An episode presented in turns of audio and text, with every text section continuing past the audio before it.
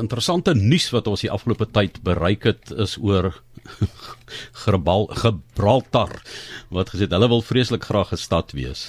Inderdaad. Nou Gibraltar en toe is hulle En toe is hulle. Hulle kan hulle self amptelik nou 'n stad noem. Dis nou 180 jaar nadat dit vir die eerste keer die status verleen is deur koningin Victoria. So die Britse oorseese gebied het vroeër vanjaar probeer om 'n stad te word as deel van die sogenaamde Queen's Platinum Jubilee. Uh toe het navorsers deur die nasionale argief gekyk en hulle het gevind dat dit reeds in 1842 as een erken is. En dit bring toe na vore die vraag wanneer is dit is iets 'n stad en wanneer is dit 'n dorp? Want ek meen daar sekere plekke in Suid-Afrika wat hulle nog 'n dorp noem, maar dit het al so uitgebrei, so groot geraak dat jy begin wonder wanneer is dit 'n stad? Is die Parel 'n dorp? Dis presies wat ek dink Durban wil. Uh, is 'n hulle, hulle, hulle praat van die noordelike stadsgebiede. Dit was eens die noordelike voorstede waar ja. ons gebruik Belwel, Parow, Goodwood, daai plekke. Nou is dit deel van die stad Kaapstad en so verander grense en ek dink geld en modelle en alles speel 'n rol, maar kom ons hoor by 'n kenner Martelies. Dit is argitek Gerrit Jordaan wat met ons gesels en die saak vir ons uitklaar, direkteur van New Urban Argitekte en Stedelike Ontwerpers. Hy is ook die voorsitter van die Stadsontwerp Instituut van Suid-Afrika en ons gesels daaroor met hom. Bietjie agtergrond eerstens Gerrit oor stede en dorpe. Ja, uh, dis baie dankie, dankie Johan uh vir die voorreg. Nee, ek dink dit is interessant is dat ehm um, soos gesê dis 'n dorp en 'n stad uh, is amper dit kan dieselfde plek wees en baie keer net verskillend gesien word. Ehm um, en dit sê dis dit dit is 'n eenvoudige vraag, maar dit het nogal baie diverse en verskillende antwoorde. Uh interessant genoeg is dat dit gaan net verder terug dat selfs voorheen stad state gekry en eers later het lande ontwikkel wat later stede gehad het en, en die hele ontwikkeling van die grootte, die status en wat 'n stad werklik is, is baie dinamies en verander baie oor tyd. So wat is die verskil? Is daar 'n vaste definisie tussen 'n dorp en 'n stad? Uh, Daar's skole definisies. Partykeer gaan dit oor uh, die grootte en baie keer is dit 'n status wat vir wat soos wat Gibraltar waarvoor kom hulle hê die status op papier. Maar ehm um, baie keer is dit net 'n persepsie uh, dat mense 'n stad sien wat uh, sekere ehm um, grootte is, sekere digtheid het. Ehm um, as jy kyk na die uh, praat van die in Italian hilltop towns, maar baie van daai stede is nogal dig, maar hy is nie baie groot nie. So ehm um, baie aspekte soos digtheid van mense en geboue, uh, die omvang van dienste, baie keer is ook die vlak van administrasie of of die omvang van dienste wat beskikbaar is wat bepaal dat uh, mense dit as 'n stad beskou, maar baie keer is daar 'n amptelike stadstatus. Ehm um, daar's ook uh ander aspekte wat daarmee saamgaan is dat baie keer uh kry jy die vryheid van die stad. Dit beteken uh 'n weermag kan met wapens in 'n stad ingaan. So daar is baie ehm um, uh historiese rituele, daar's baie ehm um, staatkundige aspekte daarvan, maar dan is daar ook die perseptuele en die leefbaarheid aspekte. Mens dink ook aan die administrasie dan van 'n dorp en 'n stad teenoor mekaar. Jy het daaraan geraak dat die begrotings waarskynlik 'n bietjie anders kan lyk. So mense wil dalk gaan vir 'n stad status omdat daar 'n ander model van toepassing kan wees in 'n omgewing op 'n stad as 'n dorp. Dis korrek, maar ek sien 'n stad is 'n stad 'n stadsraad sal byvoorbeeld meer ondersteuning kry as 'n dorpsraad. Uh, en, en jy kan sien want daar is groter behoeftes uh het jy van die nasionale regering of of van watter aspek ook al. So ek dink dat baie keer wil die um, stadsraad 'n uh, stad word om uh weet net 'n status te kry maar ook om die hoër salarisse en meer belasting op te kry. So dit is baie keer 'n finansiële aspek ook.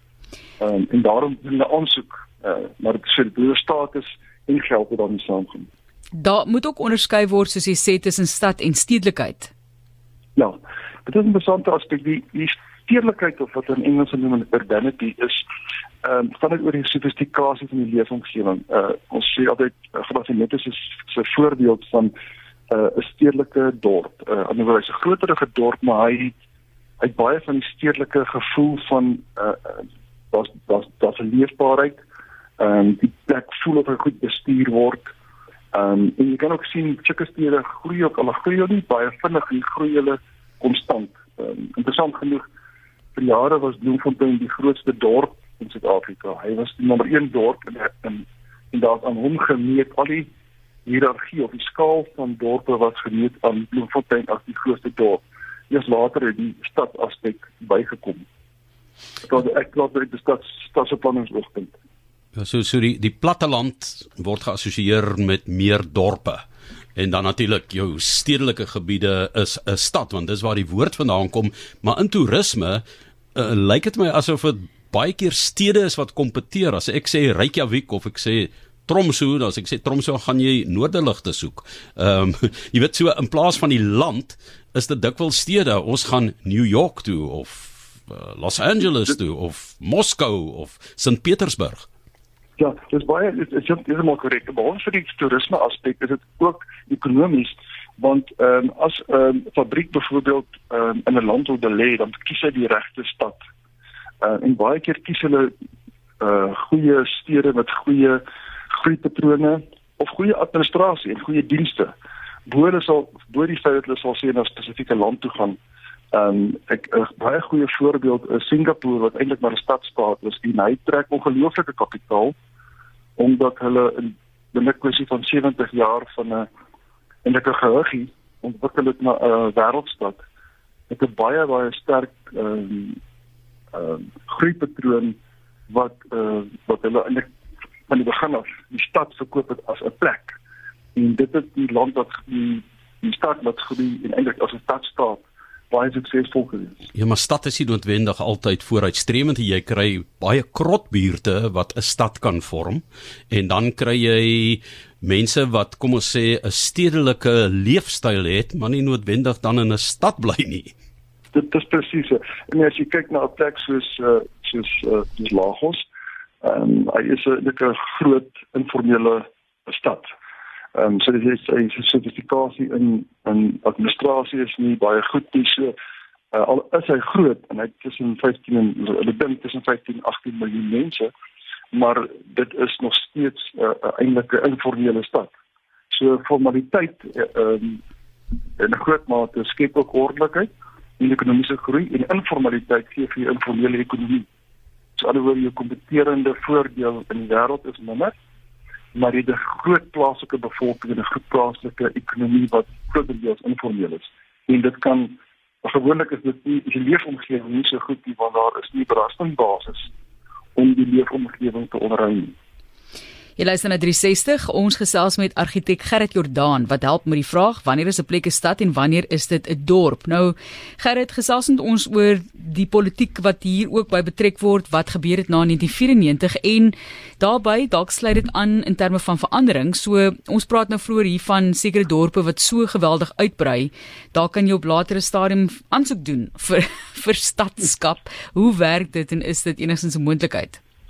Ek dink wat wat in in uh, na 94 het hulle die beleid gehad van die sogenaamde muur tot muur uh, grense die stede eintlik van muur tot muur uh, teen mekaar is. Daar die daar was nie soos dit voorheen gehad het die peri-urban was die gedeeltes tussen die stede gewees en hulle die stede saamgesmelt uh, na 94 om eintlik 'n goeie en agtergeblewe dorpe bymekaar te sit sodat hulle kan uh, eintlik om 'n belastingbasis te skep vir die agtergeblewe dorpe. En uh, dit natuurlik dit dit kan beide beide kante werk. Dit kan die agtergeblewes ophelp of die goeie dorp aftrek, maar dit is 'n geval dat die maar die bestuur van daai finansies ehm um, is is baie belangrik want die die herverdeling van rykdom kan ook armoede herverdeel. Ehm um, so dit hang baie af van hoe daai geld uh, bestuur word uh, en waar dit belê word. En natuurlik ons weet so die feit dat ons ons steeds op hierdie stadium met 'n vreeslike druk in dienslewering is omdat die beleggings die gedoen word in infrastruktuur en daardie agtergeblewe gebiede ehm um, is eintlik erg slegter af as wat hulle was by in baie gevalle as gevolg van die kapitaalvloei. En natuurlik wat dan gebeur is dan dan verloor jy weer besighede want hulle sien die stad word nie bestuur nie en die dienste is swak. So dit is eintlik 'n spiraal wat eintlik die stad baie vinnig kan wat agteruit gaan omgewingsgewys en natuurlik ook die sosiale aspekte. Ja, jy boer agteruit op 'n manier, ehm um, wanneer jy uh, gaan kyk byvoorbeeld na baie gesprekke op RSG, ehm um, wanneer jy gaan na klein plattelandse dorpies, dan sê hulle daar is nie meer funksionele bestuur nie. Ehm uh, maar as mense wat in poste sit met 'n uh, salarispakket, uh, maar nie die werk doen nie of nie in staat is om dit te doen of wat nie. En uh, dit dit sien ons tog baie ook en dan sekere stedelike gebiede wat ook sukkel en te vinnig ontwikkel en jy weet ook nie binne noodwendig die bouplanne as ek dit so kan stel in vereenvoudigde terme stedelike ontwikkeling gebeur nie. So is groot uitdagings, maar baie dankie dat jy uh, Gerrit vir ons meer hiervan kom vertel het en uh, dit bly 'n interessante en uitdagende veld. Is daar meer en meer mense wat ook in julle bedryf in daardie rigting studeer? Ja, daar is uh, heelwat uh, die hele stadsontwerp uh, uh, dissipline wat nou in die 60er jare in Amerika begin met wat meer anders as stadsbeplanning is. Ehm um, groei grootendeels as gevolg van die feit dat al ons probleme word meer en meer stedelike probleme. Soos byvoorbeeld ons het nie soveel 'n uh, behuisingsprobleem nie as 'n verstedelikingsprobleem. Die huise, almal het een of twee of drie huise maar dis verkeerde plek. Ehm um, so dit gaan oor hoe die stad mekaar gesit word. Want jy's reg, ek dink dit is daar's 'n groot behoefte aan mense wat stedelik dink en stedelik opereer en die administrasie wat daarmee saamgaan. Dit is krities vir ons. Ons sê baie dankie, so interessant. Nou weet jy, dis argitek Gerrit Jordaan met wie ons gesels het. Hy is die direkteur van New Urban Argitekte en Stedelike Ontwerpers en voorsitter van die Stadsontwerp Instituut van Suid-Afrika. Wanneer is 'n plek 'n stad en wanneer 'n dorp?